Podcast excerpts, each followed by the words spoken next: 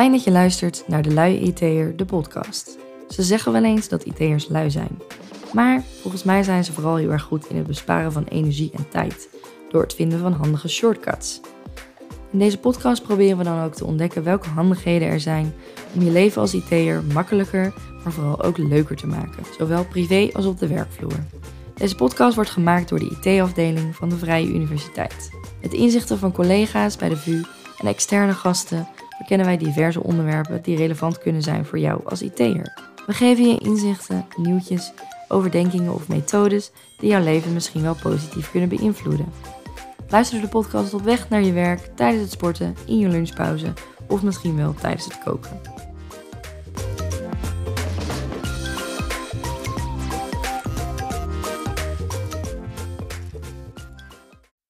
Super fijn dat je weer luistert naar deze podcast. Ik ben Brit, de host van deze podcast. En uh, we nemen deze aflevering weer op in het prachtige Transitoriumgebouw op de VU. Grijs van buiten, maar uh, volgens mij een stukje mooier van binnen. Uh, we gaan het vandaag hebben over ja, wat meer daadwerkelijk automatiseren binnen het werk als IT'er. Uh, en helemaal in het thema van de podcast, want hoe bespaar je nou eigenlijk tijd en energie als IT'er? Ik heb een hele interessante gast bij me, um, waarmee we het gaan hebben over productiviteitstips voor de Microsoft georiënteerde IT'er. En we zoomen in op de toepassingen die binnen de VU gebruikt worden en hoe dit bijvoorbeeld kan helpen om processen efficiënter te maken. Goed, genoeg gekletst over het onderwerp. Door naar mijn gast, Raymond Convalius. In zijn eigen podcast IT Bros geven Sander Berghouwer en uh, Raymond dus je IT-nieuws. En Raymond geeft aan het einde van iedere aflevering bovendien een productiviteitstip. We borduren een beetje voort op dat blokje in deze aflevering door de tips te koppelen aan de praktijk bij de VU. Uh, en jij werkt als ZZP'er voor de VU. En wat doe je precies? Nou, ik ben hier binnengekomen precies twee jaar geleden nu voor het project Digital at VU. En daar hield ik me bezig met uh, de onderwerpen identity en security. Dus onder andere het stukje uh, Azure MFA, multifactor authenticatie, daar ben ik onder andere vrij uitgebreid mee bezig geweest. En allerlei andere zaken aan de achterkant rond uh, de uh, migratie naar de cloud. En inmiddels ben ik verhuisd naar het IAM-team, ja. waar ik in eerste instantie heb geholpen om ja, eigenlijk een beetje de, de chaos recht te krijgen rond de, de introductie van Omada. Ja. En nu zijn we druk met Omada 2.0, zoals dat heet. Zeg maar de voortzetting, maar dan verbetering, verbeterde versie van het IAM-systeem. En je bent daarnaast uh, MVP. Ik moest even opzoeken wat het was. Bij Microsoft, Most Valuable Professional. Dus uh, in dat kader ook jouw podcast volgens mij, toch? Nou, nee, die zeg maar, uh, ja, die, die award, zeg maar. Dat is de Most Valuable Professional Award van Microsoft. Dat is iets wat je jaarlijks toegekend kan krijgen als je een, wat zij noemen, significante bijdrage levert aan de Microsoft community. Uh, dat begon bij mij met name met het schrijven van boeken en het uh, verzorgen van presentaties. Ik heb tien jaar lang op uh, de TechEd en Ignite conferenties mogen presenteren voor Microsoft.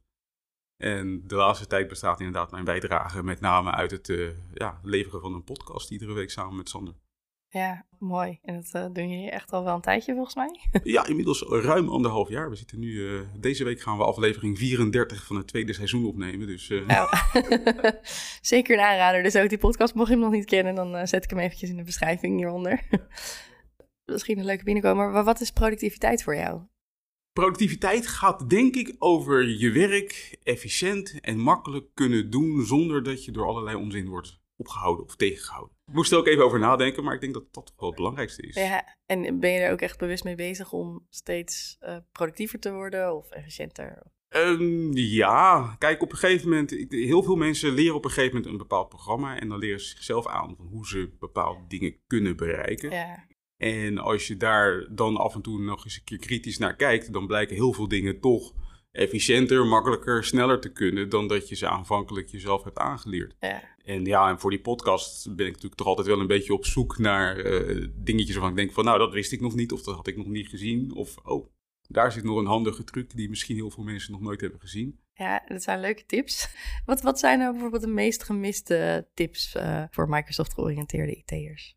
Nou ja, als je achter een Windows-machine zit, tegenwoordig is dat meestal Windows 10 of Windows 11, dan ja, dingetjes die ik echt heel vaak gebruik. Dat is onder andere Windows Shift S.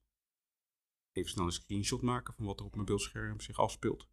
Maar ook bijvoorbeeld uh, Windows Punt. Om hier emojis uh, te kunnen gebruiken. Dat is natuurlijk tegenwoordig Dat wel handig.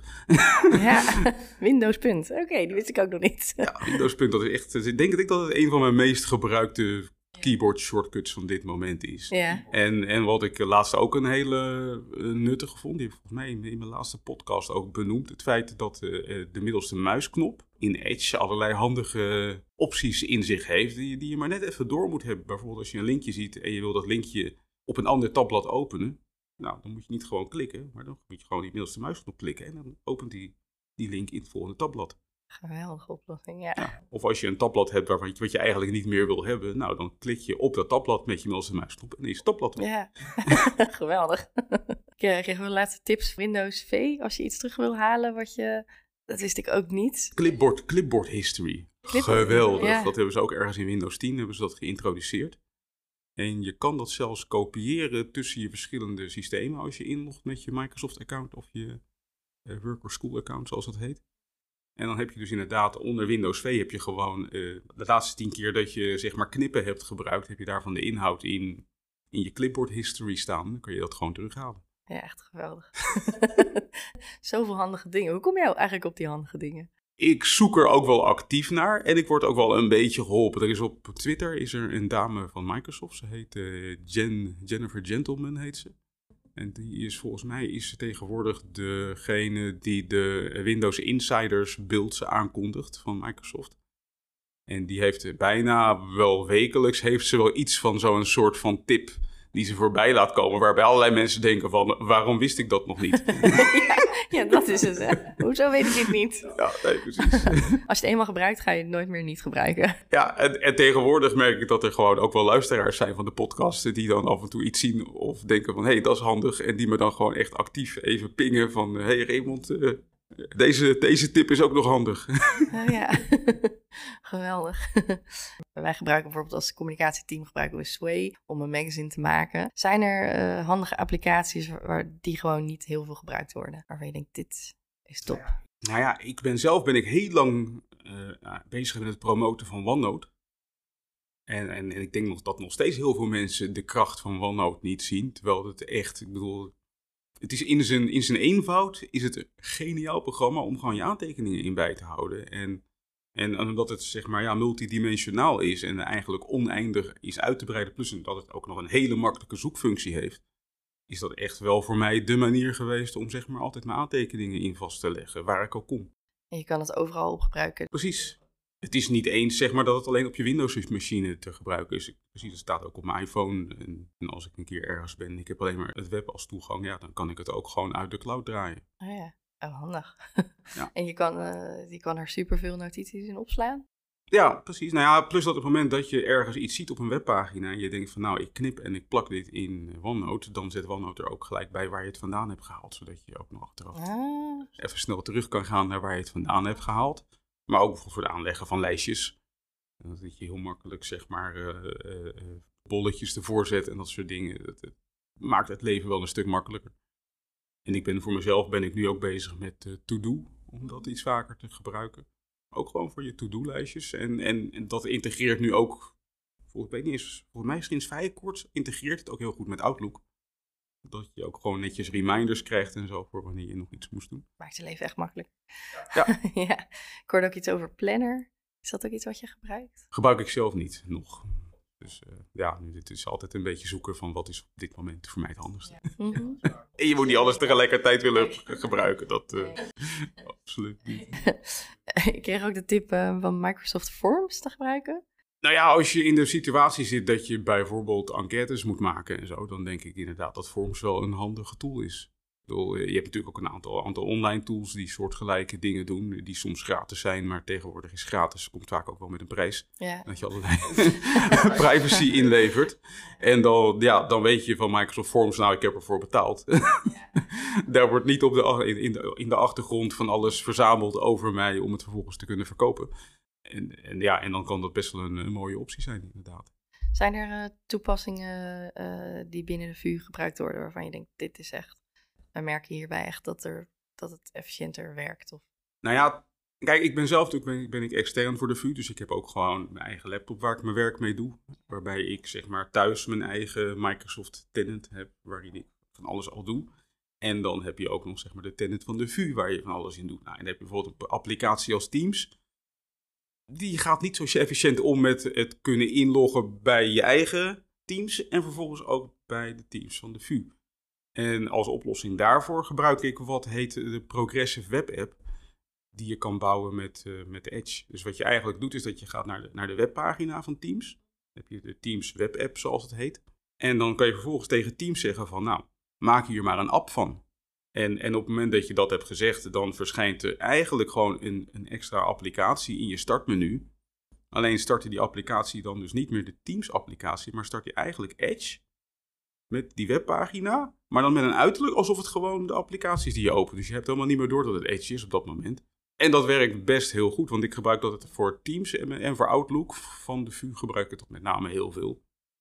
En, en ja, ik hoef eigenlijk niet eens meer terug naar de echte Teams-app. Heel handig. Zijn er nog meer van dat soort dingen waarvan je denkt, uh, dit uh, wordt goed gebruikt? Ik weet niet of je ook bij de VU misschien dingen ziet waarvan je denkt, oh, dit, dit.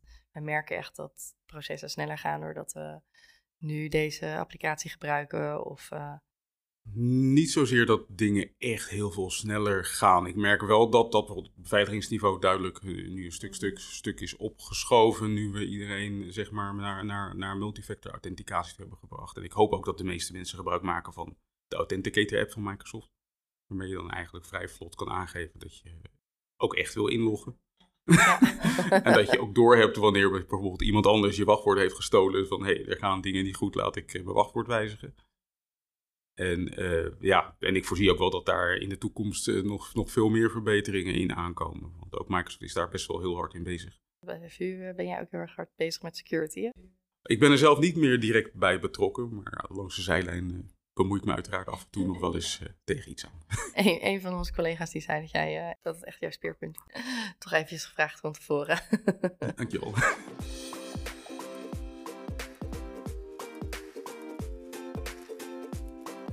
Een collega die zei ook dat er weinig mensen gebruik maken van OneDrive bijvoorbeeld.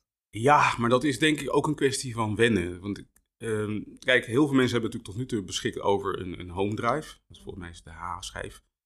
En, en daar sla je je documenten op. Alleen die documenten die staan dan op de server van de VU, bij de VU. En daar kan je dan ook bij wanneer je op het netwerk van de VU zit, eh, of als het in je offline cache zit.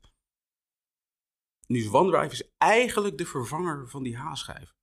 En zo moet je hem ook gaan gebruiken. En, en als je het allemaal hebt ingericht, zeg maar, zoals Microsoft het ooit bedacht heeft, dan staat die OneDrive met de folder waar jouw documenten staan, dus je voormalige OneDrive, je voormalige H-schijf, staat ook gewoon uh, ja, als My Documents, zeg maar, in je File Explorer, zoals het tegenwoordig heet. Het ding, tegen, ja, het ding heeft allerlei namen gehad, maar tegenwoordig heet het de File Explorer. En dan, ja, dan is het eigenlijk alsof je altijd, zoals altijd, op je home drive hebt gewerkt. Werk je dan op OneDrive. En het voordeel van OneDrive is dan dus wel weer dat je ten eerste niet meer op het netwerk van de VU hoeft te zitten. Je hoeft zelfs niet per se achter je VU-apparaat te zitten. En het werkt waarschijnlijk ook gewoon vanaf je iPhone, iPad, ieder ander apparaat waarmee je met je VU-account kan inloggen. Zijn er nog meer dingen waarvan je denkt, dit, is, uh, dit zijn handige uh, applicaties? Um, nou ja, wat ik zelf wel een hele prettige ontwikkeling vind van de VU is dat men nu ook uh, zeg maar serieus werk is gaan maken van de Windows Virtual Desktop. Waarbij je dus een werkplek van de VU tot je beschikking hebt, die staat eigenlijk in de cloud. Ja? En die doet het ook best heel erg goed. Dus als je daar nog niks mee hebt gedaan en je denkt van nou, ik heb toch een werkplek nodig die meer lijkt op wat ik echt bij de VU gebruik, maar ik zit toch thuis, nou, dan zou ik zeggen van probeer de Windows Virtual Desktop een keer. Ja, fijn. En hoe kunnen ze daar uh, gebruik van maken? Als het goed is ben je daar al voor geautoriseerd. En dan is het een kwestie van dat je hebt een uh, remote desktop app die je kan installeren op Windows. Of op ja, je, je, je MacBook, whatever. En, en als je daarmee dan inlogt met je VU-account, dan zie je vanzelf uh, de Windows Virtual Desktop verschijnen om gebruik van te maken. En volgens mij staat er ook uitgebreide instructies van op uh, Ask IT. Ja, ja, we gaan het zeggen. Sowieso is dat een handige, denk ik, een handige plek om dingen te vinden die je niet weet. Ik ben nog super benieuwd. Het is misschien meer een filosofische vraag. Maar hoe uh, productiviteit en rust voor jou met elkaar in verbinding staan? ja, als je productief bent, heb je meer tijd voor andere dingen. Ja. dus is in die zin staat het wel, eh, wel direct met elkaar in verbinding. Kijk, productiviteit maakt het natuurlijk ook voor mij mogelijk om dingen gewoon veel sneller te doen. En, en, ja, en als je dan dingen af hebt, ja, dan is het tijd om eventjes... Ik bedoel, het is altijd inspanning en ontspanning. En dat moet je toch een, eh, een prettige balans in zien te vinden. En dan is het, ja, als productief zijn is daarin essentieel. En anders eh, heb je je werk nooit af. Ja, ja precies. dat is wel handig. ja, ik, ik vraag het omdat we hebben de, in de vorige podcast hebben, hebben we het over plannen, efficiënt plannen. En dat mensen vaak meer to-do dingen centraal zetten in plaats van rust. Eh, terwijl je ook natuurlijk kan werken vanuit rust en daaromheen je planning kan maken, zeg maar. Dat je rust meer centraal zet.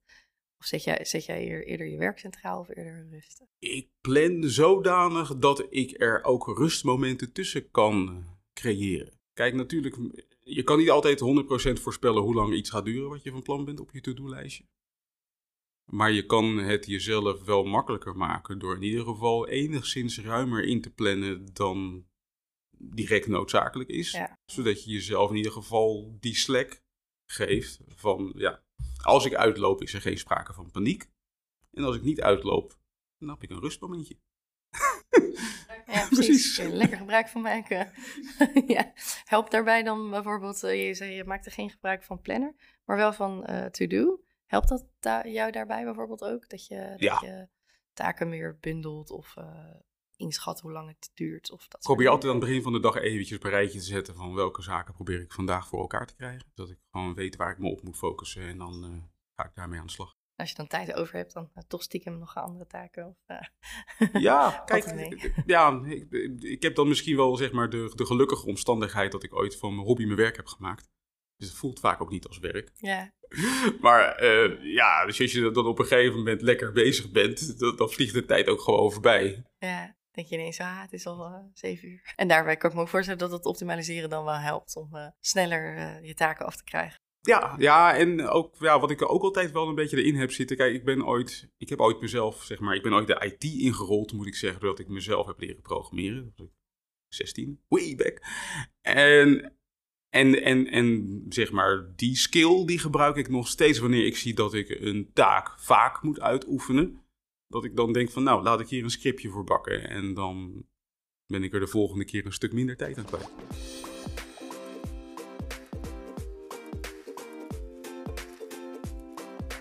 Zijn er nog dingen waarvan je denkt, dit, dit zijn, zijn Microsoft tips die eh, heel veel mensen zouden missen? Hebben we iets anders nog niet genoemd? Nee, niet direct. Ik denk wel dat eh, heel veel mensen zijn bang voor verandering. Ja, ik zou zeggen omarm de verandering, want er valt zeker in de IT gewoon helemaal niet aan te ontkomen. Ontwikkelingen om, om ons heen die gaan gewoon ontzettend hard. En, en, en dat betekent voor ons allemaal dat, dat we, ja, we moeten bijblijven, bijhouden. En, en je kan wel heel krampachtig vasthouden aan, aan hoe je het altijd gedaan hebt. Maar daarmee ga je het niet volhouden. Nee, nee, precies.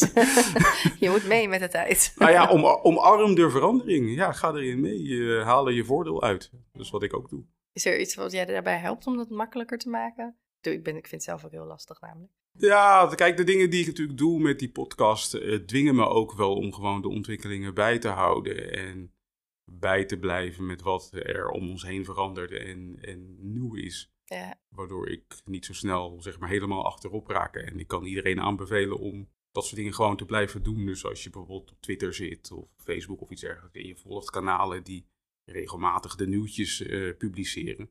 Dat je dat vooral eh, blijft volgen. ja. Of luister naar de podcast. Ja, precies. Dat is altijd een goeie. Kijk. Super fijn dat je, dat je het vandaag eh, hierover wilde hebben. En, zeker een aanrader om eventjes eh, jullie podcast te gaan luisteren. Als je nog meer productiviteitstips wil en dingen waarvan je denkt, dit eh, maakt mijn leven makkelijker. Volgens mij eh, zitten die vol dingen die je leven makkelijker maken. Dus nou, dan wil ik jou tot slot ontzettend bedanken dat je hier was vandaag. En jullie bedankt voor het luisteren. Dankjewel.